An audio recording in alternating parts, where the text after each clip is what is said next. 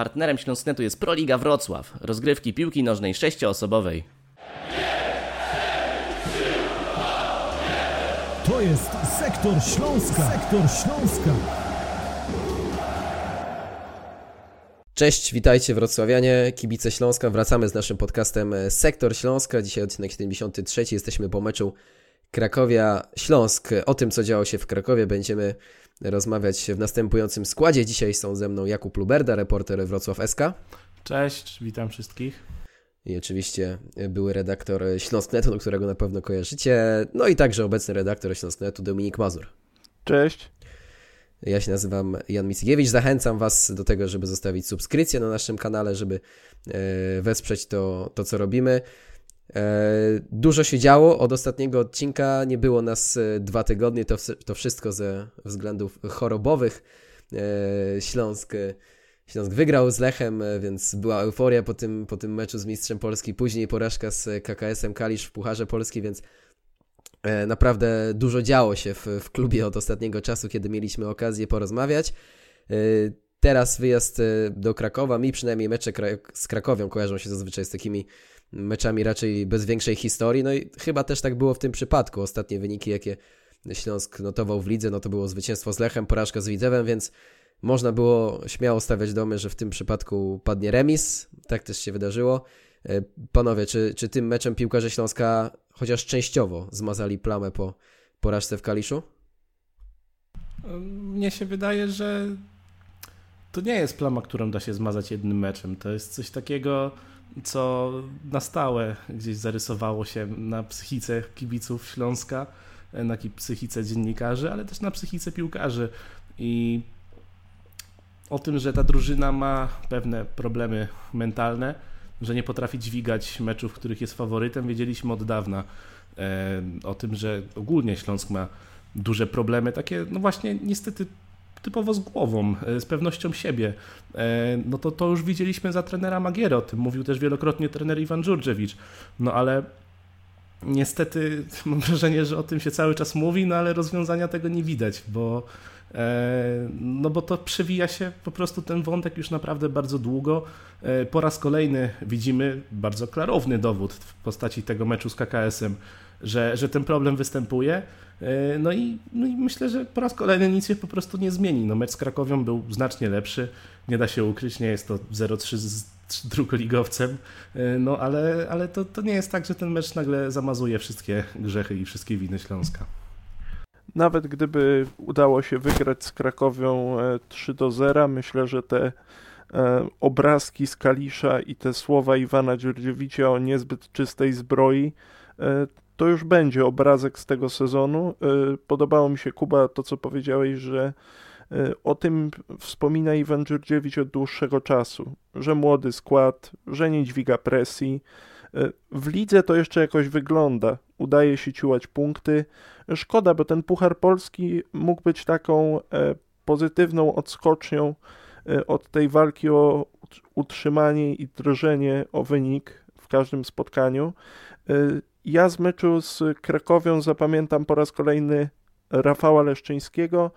No i jak zwykle wszystko co dobre musi się zacząć od Jeboacha. Troszkę przypadku udało się przepchnąć Hoskonena, no i na całe szczęście Gica popełnił błąd, udało się zdobyć E, zdobyć bramkę, ale po raz kolejny piątka obrońców nie chroni Śląska przed tym, e, by nie stracić bramki, e, więc, więc niestety, niestety remis. Mm, warto pamiętać o tym, że Krakowia preferuje trochę podobny styl co Śląsk, inaczej ona żyje z tych faz przejściowych i widzieliśmy to, że to nie jest zespół, który prowadzi grę trochę urywana walka o, o każdą piłkę. No i oba zespoły nie kryły się z tym, że wolą zagrać długą piłkę e, i tak szukać swoich szans. Uważam, że tak biorąc pod uwagę sumę tego, co Śląsk sobie stworzył i co stworzyła sobie Krakowia w tym meczu, to Wrocławianie wycisnęli maksa z, z tego pojedynku w postaci jednego punktu. Zgodzicie się z, z tym stwierdzeniem? E, no i taki nie, bo, bo trzeba mieć w pamięci sytuację Erika Exposito i wyjście z kontrą czterech na jednego obrońcę, e, co on drugi nadciągał z zapleców Hiszpana, ale to e, no dalej Śląsk miał tak makabryczną przewagę, że, że zakończenie takiego ataku no tak fatalnym strzałem, no to to jest, to jest trochę kryminał. Mm, w tamtej akcji zawiodło dużo, zawiodło i y, to, co zrobił Eric Exposito, to, co zrobili jego partnerzy również. No a wydaje mi się, że, że, że to był moment, y, w którym mecz można było może nie tyle zamknąć, co e, no, mieć go po prostu pod pełną kontrolą. Ogólnie e, ta końcówka pierwszej połowy, mam wrażenie, że tam Śląsk pokazał się z naprawdę dobrej strony, e, bo tam był moment, gdzie rzeczywiście Wrocławianie kontrolowali przebieg meczu. Długo utrzymywali się przy piłce, co jakby na tle całego spotkania nie było e, zasadą, nie, nie było zbyt częste e, w ich grze, a tam potrafili złapać trochę spokoju, potrafili powymieniać dłużej piłkę, e, zmusić Krakowie do biegania za piłką. I, i ta, ta, ta końcówka pierwszej połowy mi się w wykonaniu Śląska podobała. Mm, natomiast, no właśnie, zależy, zależy jak patrzeć na ten przebieg meczu, wracając do Twojego pytania, bo suma summarum, tak, myślę, że myślę, że Śląsk powinien być z remisu zadowolony. E, natomiast uważam, e, że jeżeli wykorzystałby e, wtedy sytuację, to ten mecz potoczyłby się po prostu znacznie inaczej i cieszylibyśmy się z trzech punktów. Po, po tym jak Krakowia ruszyła, by, by zdobyć drugą bramkę, udało się parę razy fajnie skontrować. Ja mam w pamięci sytuację mm, Szwedzika, gdzie w ostatniej chwili interweniował na wślizgu Rakoczy i też warto powiedzieć o tym sam na sam Denisa Jastrzębskiego. Po raz kolejny ten piłkarz pokazuje, że ma odejście, ma szybkość, ten atak w te wolne strefy, e, natomiast e, szwankuje skuteczność, szwankuje wykończenie. Więc z jednej strony Śląsk mógł pokusić się o więcej, a z drugiej Krakowia przecież obiła słupek bramki, więc, więc ten punkt E, to wyświechtane stwierdzenie, ale w tym przypadku i w realiach, w jakich gra Śląsk, e, punkt trzeba szanować. Tak, no przecież ta sytuacja sam na sam Denisa Jastrzębskiego to, e, to był kontratak po, po akcji, w której jeden z zawodników Krakowi uderzył w słupek, więc sporo no, szczęścia no, też warto, miał Śląsk. Warto też wspomnieć, że przecież gol Śląska padł jakąś minutę po tym, jak Gretarson ratował nas przez stratę gola takim panicznym ślizgiem, także tutaj też to, że mogło się to potoczyć w zupełnie innym kierunku, całe to spotkanie, co nie tyczy się tylko Śląska, ale także Krakowi, y, no bo myślę, że gospodarze tego starcia też mogą mówić o sporej dozie pecha. Tak, y, dobrze, że mówisz o tym samym początku, bo też pamiętam, że po pierwszych minutach pomyślałem sobie, oho, no będzie się działo, patrząc na to, że, że Śląsk znowu y, chyba będzie miał problemy w defensywie, po czym po chwili defensywa Krakowi pokazała, że wcale nie jest lepsza, no bo umówmy się, to wybicie Gity przy, przy golu dla Śląska, no to gdyby na przykład Diogo Verdaska tak podał piłkę pod nogi y, zawodnika drużyny przeciwnej, no to dzisiaj byśmy tutaj y, roastowali Portugalczyka, a, a tak no, obrońca Krakowi trochę E, po prostu podarował tą bramkę Śląskowi. E, jeszcze co do Jastrzębskiego, to, to rzeczywiście też wydaje mi się, że ta druga połowa to był po prostu idealny poligon doświadczalny dla niego, bo już naprawdę dużo miejsca zrobiło się na boisku, duże e, przestrzenie między formacjami i, i była okazja, żeby, żeby wypuścić tego Jastrzębskiego, żeby, żeby po prostu pokazał te umiejętności sprinterskie. Szkoda, że nie dał rady przekuć tego na bramkę, no ale ale też wiemy, wiemy jaki to jest zawodnik, jakie są jego atuty i, i po raz kolejny e, sprawdziło się, że jednak e, szybkość tak, e, wyjście na wolne pole tak, no ale, ale z tym wykończeniem nie jest już tak, e, aż tak dobrze. Dobrze natomiast wykończeniem jest u, Łukasza Beigera, który zdobył tego jedynego gola dla, dla Śląska już w dziewiątej minucie. Zaskakujący był to początek meczu. E, w ogóle zaskakujące było to, że to właśnie Łukasz Bejger znalazł się na na lewym wahadle, zastąpił tam e, Wiktora Garcia. Sam powiedział w wywiadzie w przerwie w, w telewizji Kanal Plus, że jeszcze nigdy w życiu nie zagrał na, na lewym wahadle, nawet, nawet w, w Akademii Manchester United mu się to nie zdarzyło, więc coś zupełnie nowego dla 21-letniego piłkarza. No i jak, jak panowie ocenimy to, ten występ i, i tą decyzję w ogóle Iwana Dziurdziewicza? Umówmy się, no, nie miał zbyt dużego pola manewru trener Śląska Wrocław, no ale chyba podjął taką decyzję, która jak najbardziej się obroniła i, i nie mówię tu tylko o tym, że Łukasz Bejger akurat strzelił gola. Ja się bardziej spodziewałem Martina Kączkowskiego na tej lewej stronie. Jakoś myślałem, że postawi e, Iwan Dziurdziewicz na to doświadczenie Kączkowskiego, e, ogranego e, ligowca. Mówił po spotkaniu z Lechem, że tego zawodnika na lewą stronę, na lewe wahadło, trzeba będzie przez ten czas stworzyć. Mm, udało się stworzyć Łukasza Bejgera. Myślę, że to, że to nie musi być jednorazowy występ, głównie dlatego, że całkiem nieźle radził sobie w obronie, miał po swojej stronie e, bodajże Jugasa przez większość czasu, a to jest piłkarz niebezpieczny, e, stworzony do gry na wahadle, taki rosły, mm, lubiący też zejść e, do środka. Ja występ Bakera oceniłbym pozytywnie i też nie przypominam sobie żadnej sytuacji, w której on gdzieś zgubił krycie, stworzył sytuację e, dla Krakowi po jakimś swoim e, indywidualnym błędzie, e, a te przecież oglądaliśmy, choćby na początku meczu Diogo Verdaska od niego odbiła się piłka, trafiła wtedy pod nogi właśnie Ugasa. Mm, także zdecydowanie pozytywnie, zwłaszcza na okoliczności, w których Baker mm, Wiktora Garcia musiał zastąpić i na tej lewej stronie zadebiutować. No ja myślę, że to, to naprawdę no, Łukasz Bejger bronił się całkowicie swoim występem, zagrał bardzo dobre spotkanie. E, myślę, że też zaskoczył kilka razy w takich elementach, o które niespecjalnie byśmy go mogli podejrzewać. Mam na myśli szczególnie dribbling, to jak e, operował piłką, chociaż no dał się poznać nam jako obrońca, który potrafi, który dobrze czuje się z piłką przy nodze, no ale jednak taki ofensywny dribbling, którym trzeba zdobywać przestrzeń, mijać rywali, no to, to, to nie jest coś, czego, co, co on robi powiedzmy na co dzień, a, a w tym elemencie spisał się naprawdę bardzo przyzwoicie. Mm, mam jednak wrażenie, że, że docelowo, tak długoterminowo to nie jest rozwiązanie y, dobre. Gra Bejgerem na lewym wahadle, gra Bejgerem na prawym wahadle podobnie. podobnie. Nie uważam, y, że, że, że to jest dobry pomysł. Y, no bo to jest po prostu piłkarz, mam takie przynajmniej wrażenie, skrojony pod grę w systemie trójką obrońców jako ten półlewy lub półprawy, najlepiej półprawy ze względu na nogę wiodącą. Y, on tam może wykorzystywać swoje umiejętności techniczne, możliwość wprowadzenia piłki i szybkość jednocześnie, nie tracąc gdzieś tego no bo ta fizyczność, ona u niego lekko leży jak na środkowego obrońcę, a ta, to system z trójką obrońców wybacza.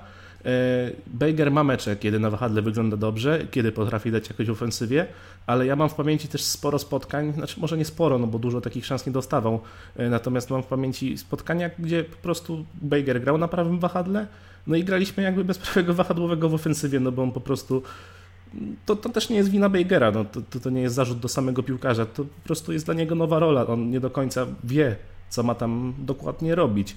E, a też z tego, co on sam mówi, e, mówił przynajmniej e, podpisując kontrakt ze Śląskiem, no on docelowo chce być tym środkowym obrońcą, także mam wrażenie, że to stawianie go na wahadle to źle wyjdzie i Śląskowi i samemu Bejgerowi długofalowo. To, co powiedziałem o tym, że to może nie być jednorazowy występ, ja bym sobie życzył, żeby tak nie było. Natomiast przy problemach kadrowych, przy krótkiej kołderce, e, takie wynalazki jak e, Bejger na wahadle, do nich czasem e, Śląsk może być po prostu zmuszony. Zdecydowanie, Kuba, tu zgodzę się z Tobą, że to jest środkowy obrońca, tak powinniśmy go rozpatrywać. Miło jednak, że Bejger tym występem pokazał, że jeżeli będzie taka sytuacja emergencji, naprawdę bardzo trudna e, kadrowo, to, że on na tej stronie wystąpi i, i da jakoś w defensywie, a to w ustawieniu Śląska i w sposobie gry mm, jest w tym momencie najważniejszy. Drugi gol w tym sezonie Łukasza Bejgera, bo też e, strzelił bramkę w meczu z, z Górnikiem Zabrze, kiedy tak został całkowicie można powiedzieć, kolokwialnie wyciągnięty z szafy przez Iwana Dziurdziewicza, bo na początku sezonu przecież w ogóle nie grał, często nie było go nawet na ławce rezerwowych. Dostał szansę w jednym meczu i wtedy właśnie na wahadle, tylko na prawym e, strzelił, strzelił tą bramkę. E, mi się wydawało, może, nie wydawało, ale, ale chciałem bardzo, żeby Oliwier Wypart dostał szansę w tym meczu, bo no jednak też e, Zastanawiałem się trochę, jak odbierać te słowa Iwana Dziurdziewicza e, a propos tego, że, że trzeba stworzyć piłkarza na lewe wahadło, no bo Jest ten Oliwier Wypart już naprawdę od, od ładnych kilku lat w drużynie rezerw. Jeździ zawsze z pierwszą drużyną na, na obozy przygotowawcze. Ileś tych meczów w sezonie siedzi na ławce rezerwowych, więc no, myślałem sobie, kiedy jak nie teraz ma dostać szansę rzeczywiście sprawdzenia się w ekstraklasie. Tak się nie stało. Oliwier Wypart kolejny mecz spędził na, na ławce rezerwowych. Wątpię, czy w tym sezonie jeszcze jeszcze dostanie, dostanie szansę, no ale mm, nie ma co narzekać, jak, e, jak Łukasz Bejgr rzeczywiście e, spełnił, spełnił te zadania i, e, i dobrze się zaprezentował. Mieliśmy też jednego debiutanta w tym meczu, meczu Patryk Szwedzik. Pojawił się po raz pierwszy na boisku w, w pierwszej drużynie Śląska. Wiemy, że zadebiutował tydzień wcześniej w rezerwach, zadebiutował o tym mało powiedziane, w jakim, w jakim stylu zadebiutował. Trzy gole w meczu z e, rezerwami Zagłębia Lubin w, w takich małych drugoligowych derbach Dolnego Śląska. E, hat-trick naprawdę w fantastycznym stylu. 21-latka sprowadzonego zimą e, z GKS-u Katowice nastąpiła wymiana. W drugą stronę poszedł Sebastian Bergier. No i domagali się kibice tego, żeby Patryk Szwedzik zagrał w pierwszej drużynie. Nie mógł zagrać w Pucharze Polski z tego względu, że był jeszcze zawieszony za czerwoną kartkę z ostatniego meczu w barwach GKS-u Katowice e, w tym sezonie w Pucharze Polski. No ale teraz pojechał e, z zespołem, był na ławce rezerwowych, wszedł w drugiej połowie, e, zastąpił Johna Jebłacha już w 69 minucie, więc też warto odnotować, że dość wcześnie opuścił boisko Jeboach. Za dużo chyba o Szwedziku na podstawie tych dwudziestu kilku minut nie możemy powiedzieć, ale wydaje mi się, że, że taki debiut, który pozwala mieć nadzieję na przyszłość. Kuba, zgodzisz się? No ja myślę, że taki debiut umiarkowanie pozytywny, dlatego że e, Szwedzik powalczył, wszedł, no, troszkę, troszkę problemów obrońcom Krakowi e, stworzył. E, nieźle grał plecami do bramki. Tutaj myślę, że można, można zapisać plus przy jego nazwisku, przy tym konkretnym elemencie gry. Szkoda, że nie udało mu się dojść do tego strzału w drugiej połowie. Tam był naprawdę blisko, e, żeby po prostu mieć okazję na czyste, na czyste uderzenie e, z bliskiej odległości. Mógł zostać bohaterem e, Śląska. Niestety do tego nie doszło, natomiast to też nie jest mecz, po którym wyciągałbym wnioski, dlatego że, no tak jak powiedziałeś, 20 minut, 21 minut to to bardzo niewiele, też bardzo niewiele widzieliśmy go z piłką ogólnie, no to był po prostu wielki chaos na boisku w końcówce tego spotkania, także Także trudno jest go jakoś jednoznacznie ocenić. Natomiast chciałbym jednak jeszcze poruszyć temat mm, składu samego, bo, bo wcześniej była mowa o tym lewym wahadle. Ja osobiście byłem niezadowolony z wyjściowego składu na ten mecz, nie wiem jak wy, e, no bo myślałem, że po takim meczu w Kaliszu, no to będzie jakiś wstrząs tutaj, e, pojawią się, pojawią się nieco inni piłkarze, no na przykład Diogo Verdaska, moim zdaniem z Krakowią w kolejnym już meczu udowodnił, że, że, że nie warto na niego stawiać, Mówiliśmy o lewym wahadle, no to oprócz Oliwiera Wyparta, to tam jest jeszcze Łukasz Gerstenstein w e, rezerwach, jest Michał Szmigiel, no to są chłopaki, które od długiego czasu dobijają się do pierwszego zespołu, trenują z pierwszym zespołem, no i kiedy jak nie w takim meczu, po, po takim blamarzu e, na nich postawić. No, a tutaj po raz kolejny widzimy Werdaskę, który, który znowu błaźni, który powinien wylecieć moim zdaniem z czerwoną kartką e, z boiska za, za no, w konsekwencji dwóch żółtych, tam raz mu się upiekło. E, no ale no, to był zapalnik przez całe 90 minut. Dużo rzeczy działo się złego, złych jego stroną. I, i no, no, za mało zmian moim zdaniem w tej pierwszej jedenastce. Nie wiem, jak wy na to się zapatrujecie dla Iwana Dziurdziewicza stawianie ciągle na tych samych piłkarzy moim zdaniem jest takim sygnałem y, patrzcie, ja nie mam kim grać. Y, mówił na konferencji, że y, z całym szacunkiem do naszej młodzieży, ona nie daje takiej jakości, żeby wejść na boisko i, mm, i, sobie, i sobie poradzić. Również chyba z tą, z tą presją występu i tak dalej. Natomiast ja się zgadzam z Tobą, Kuba, że powinna być troszkę mm, terapia szokowa, w tym sensie, że y, rob, robimy zmiany, żeby, y, żeby po pierwsze y, pokazać, że w Kaliszu nie zagrało absolutnie nic i zmiany są konieczne. Natomiast moim zdaniem Iwan Dziurdziewicz po prostu chce pokazać, że nie ma kim grać. To jest taki manifest. Ciągle stawiam na tych samych piłkarzy, E, mam krótką kołdrę, kim innym mam grać. No i też myślę, że to, biorąc pod uwagę to, co mówiłeś o chłopakach z rezerw, jest trochę brak zaufania do młodzieży z drugoligowych rezerw. Mm, I myślę, że taki stan będzie się raczej utrzymywał. No ale ja powiem szczerze, że ja nie rozumiem e, tego braku zaufania, bo rzeczywiście jest to widoczne. E, jest też jasny przekaz leci z ust trenera e, Dżurdziewicza na konferencjach dosyć regularnie. Tak albo między słowami, albo wprost mówi, że nie ma kim grać. No ale kurczę, no, jeżeli zobaczymy sobie, kto z tych rezerw wszedł w tym sezonie do pierwszego zespołu, no to który z zawodników tak rzeczywiście nie dał rady. No Bukowski jest chyba jednym z najbardziej z najjaśniejszych punktów y, Śląska w ostatnich meczach. O Borysie możemy, jak grał, powiedzieć to samo, że dawał radę, wyróżniał się, robił dobrą robotę. Mm, no, no nie wiem, czy jeżeli wprowadzilibyśmy jeszcze jednego chłopaka na, na jeden mecz, dać mu po prostu szansę, no czy to aż tak strasznie by przekreśliło w ogóle, nie wiem, całą koncepcję trenera Dżurdżewicza i, i kosztowało nas spadek? No nie wydaje mi się, więc dziwi mnie po prostu ten brak zaufania. E, no bo zawodników z potencjałem w rezerwach zdecydowanie Śląsk ma. Trzymanie też e, się tej samej koncepcji taktycznej, nie? Śląsk gra 5-3-2, na UL zawsze schodzi do drugiej linii, tam próbuje coś, e, coś robić. To jest piłkarz, który mm, popełni trzy błędy, a jedną piłkę zagrał dobrą.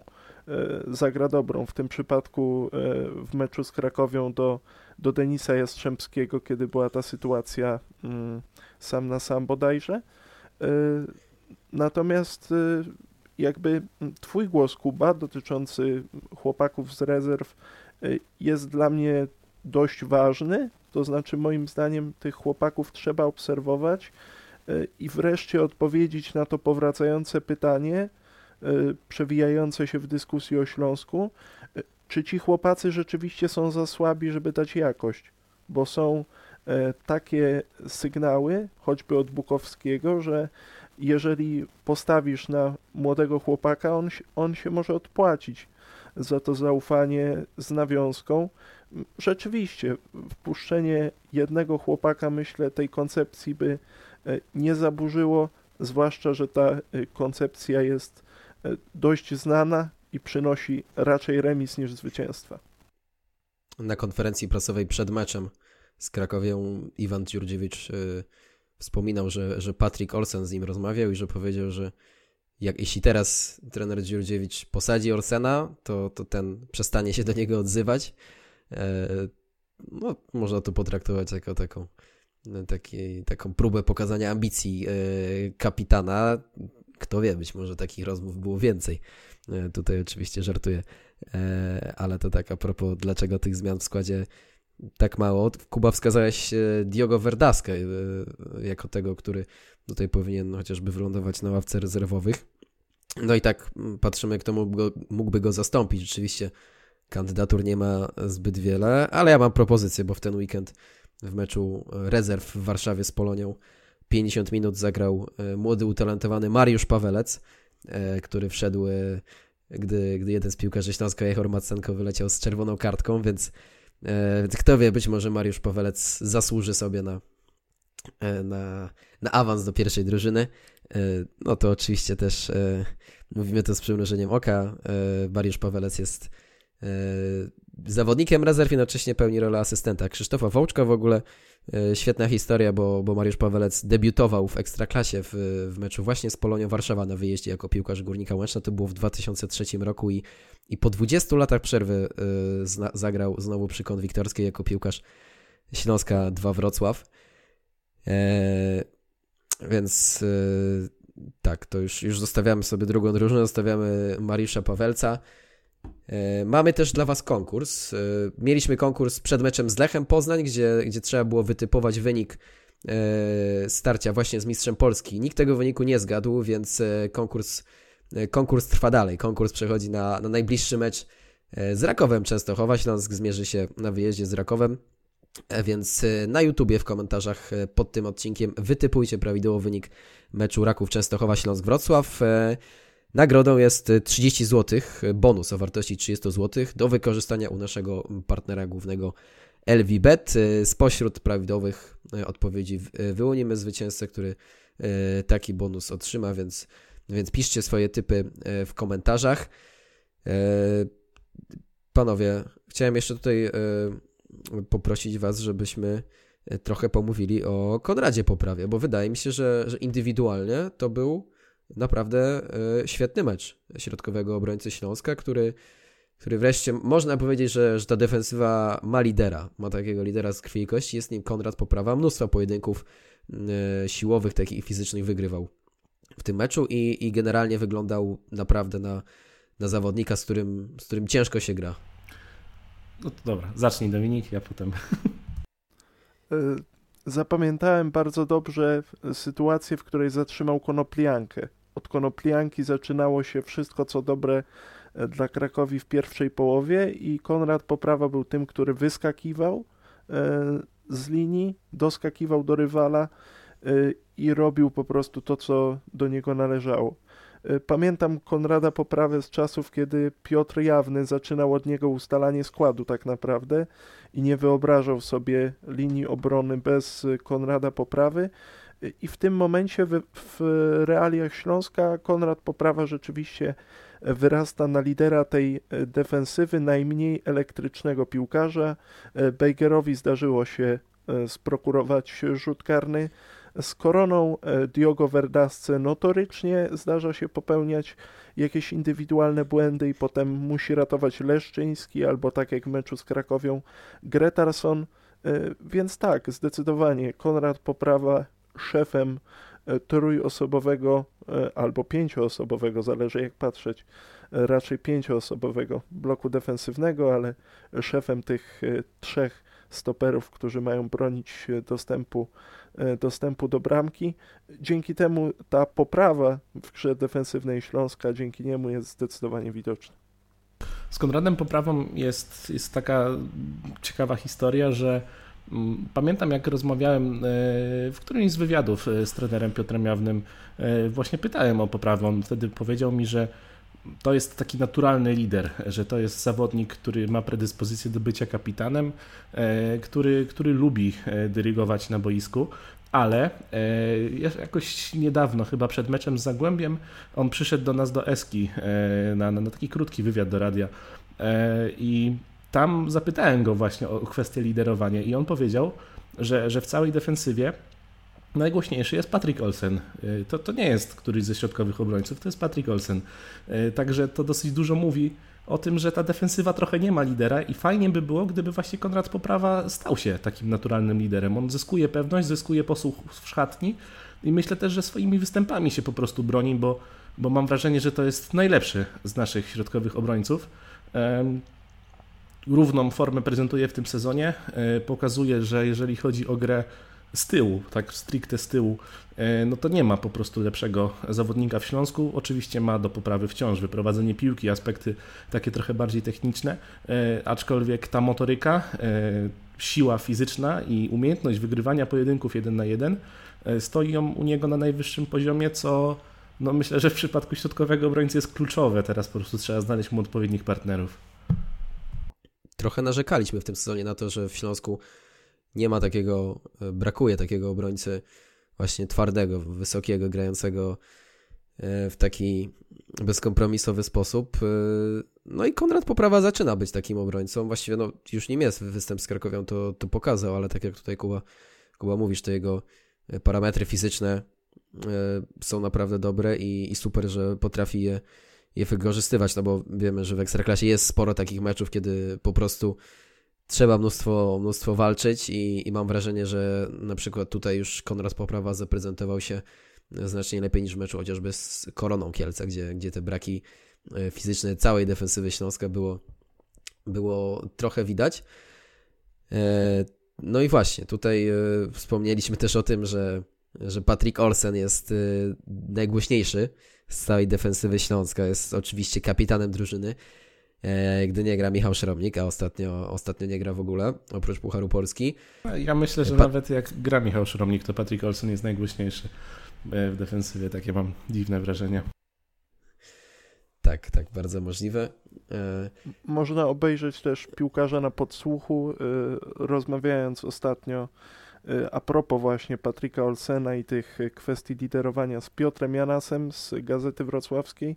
On mówił, że jak ktoś uważa, że Olsen nie ma zadatków na lidera, to niech obejrzy ten materiał, że on sporo mówi o tym piłkarzu i też widać, że od początku, odkąd jest w Śląsku, on tym liderem zespołu ma być. Słyszałem też opinię, że nie, że to jest jednak za mało charakterny e, piłkarz, że on, że to nie są jego buty.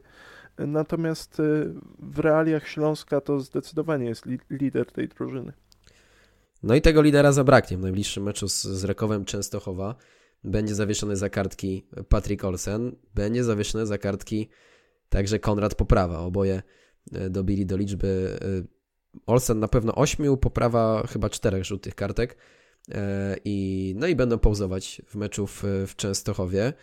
I teraz tak, kibic Śląska może sobie pomyśleć, e, jedziemy do, do Częstochowy na mecz z Rakowem. Pamiętamy jak wyglądał mecz, gdy, gdy to Raków przyjechał do Wrocławia e, pod koniec sierpnia bodajże tego roku, zeszłego roku, ale w tym sezonie. To było naprawdę bolesne zderzenie z, z maszyną e, Marka Papszuna. No i wiemy teraz, że, że Raków oczywiście jest e, na drodze po Mistrzostwo Polski, jest, jest liderem. I tych e, nadziei, gdzie Śląsk tutaj może zaskoczyć Raków, zbyt dużo nie ma. No a w momencie, kiedy pauzują Patrick Olsen i, i Konrad Poprawa, to zmniejszają się jeszcze one o naprawdę e, znaczący stopień. E, czy kibice Śląska Wrocław powinni w ogóle łudzić się, że w Częstochowie uda się coś ugrać podopiecznym Iwana Dziurdziewicza.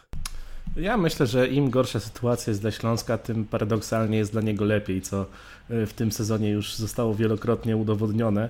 E, nawet analizując same wyniki e, WKS-u, no to, no to jest taki, taki pattern, nam wychodzi pewien wzór, prawidłowość, gdzie, jakimś cudem zawsze te najlepsze drużyny z ekstraklasy na Śląsku punkty gubiły, podczas gdy te ci teoretycznie najprostsi rywale potrafili ze Śląskiem punktować. Tutaj rzeczywiście zabraknie dwóch bardzo ważnych ogniw i no może być problem, żeby, żeby, żeby tych zawodników zastąpić. Nie do końca widzę kandydaturę do środka pola, e, bo no bo nie jestem przekonany, że Żuchowski e, to, to jest odpowiedni zawodnik do zastąpienia Patryka Olsena. Może udowodni mi, że się mylę. To też jest zawodnik, który jeszcze niewiele minut stosunkowo dostał. Nie dostał takiej prawdziwej rzeczywiście szansy, y, żeby pokazać nam swoje umiejętności. No może to będzie jakiś jego, powiedzmy, w Śląsku początek. Jeżeli chodzi o zastąpienie Konrada Poprawy, no to, no to chyba Łukasza Bejgera trzeba będzie przesunąć po prostu do środka obrony, zagrać tym nieszczęsnym Werdaskom, no i pomyśleć nad wahadłami. I tutaj na wahadle jeszcze wracając na chwilę do tego meczu z Krakowią, e, no to myślę, że też tak troszkę bez echa przechodzi występ e, Martina Kączkowskiego, który no, w mojej ocenie to ja spodziewałem się, jak on tutaj przychodził, naprawdę wyjadacza ligowego, że on chociaż trochę nawiąże do swojej formy z Piasta Gliwice, no a tutaj stracony gol całkowicie obciąża jego konto, dlatego że najpierw nie przeciął piłki, nie trafił w piłkę, e, która była dośrodkowywana, potem doskoczył do zawodnika, no i dał się ograć na, na, na raz po prostu, na zamach został wzięty, położony na ziemi. E, ten gol naprawdę no po prostu obciąża jego konto, ale to, to, to, jest, to składa się na obraz e, jego występu z Krakowiem, mam wrażenie, i ogólnie tej, tej, tej przygody póki co w Śląsku. Nie zapewnia odpowiedniej jakości w defensywie, czego można było się po nim spodziewać. E, no i też w ofensywie również daje, daje niewiele. Jestem póki co zawiedziony tym zawodnikiem. A propos Martina Kączkowskiego, ja mam wrażenie, że do Wrocławia przyszedł już piłkarz syty na ostatni duży kontrakt y, i to trochę widać, że y, motorycznie to nie jest ten sam zawodnik, co chociażby z mistrzowskiego zespołu Piasta. Bardzo mało wrzutek przede wszystkim, to jest jakiś taki znak firmowy Martina Kączkowskiego, a w tym sezonie, jeżeli już e, z któregoś z wahadeł ma pójść do środkowania, no to tam, gdzie, tam, gdzie jest Wiktor e, Garcia. Jeżeli chodzi o środek pola, ja myślę, że całkiem prawdopodobny jest ten występ Żuchowskiego. To znaczy, od czasów chrobrego Głogów Iwan Dziurdziewicz bardzo temu piłkarzowi ufa. Ja uważam, że Żuchowski już dostał swoją szansę w meczu z Koroną nie, y, ale że nie za, zagrał na nie, nietypowej dla siebie pozycji, to tak pewnie Iwan Dziurdziewicz ocenił ten występ, że to taka połowa szansy, bo to był y, wymagający mm, rywal, bardzo ważny mecz, y, no i nie spełnił wtedy tych nadziei Iwana Dziurdziewicza Żuchowski, bo został jako pierwszy piłkarz zdjęty z boiska. W piątek o 20.30 Śląsk zmierzy się na wyjeździe z, z Rakowem Częstochowa. E, dobrze wiemy wszyscy, że Śląsk lepiej radzi sobie w pojedynkach z zespołami faworyzowanymi, z zespołami z, z górnej części tabeli, więc jeśli wy też macie przeczucie, że Śląsk może tutaj coś ugrać, to w LV, Bet w tym momencie kurs 14 na zwycięstwo Śląska, także naprawdę można się obłowić i, e, i wygrać fajne pieniądze. E, czekamy z niecierpliwością na to, co wydarzy się w Częstochowie i, i mamy nadzieję, że Śląsk po raz kolejny w tym sezonie e, zdoła zaskoczyć właśnie, właśnie w meczach z faworytem. E, no a Raków to jest, to jest taka drużyna, że, że w tym sezonie po prostu trudniejszego rywala się mieć już nie da. Za ten odcinek już, już bardzo dziękujemy. Kuba Luberda. Dziękuję bardzo i pozdrawiam. Dominik Mazur. Dzięki wielkie. E, Jan Micygiewicz. Również bardzo dziękuję. Pamiętajcie o konkursie, piszcie swoje typy na mecz z Rakowem w komentarzach i słyszymy się za tydzień. To jest Sektor Śląska. Sektor Śląska.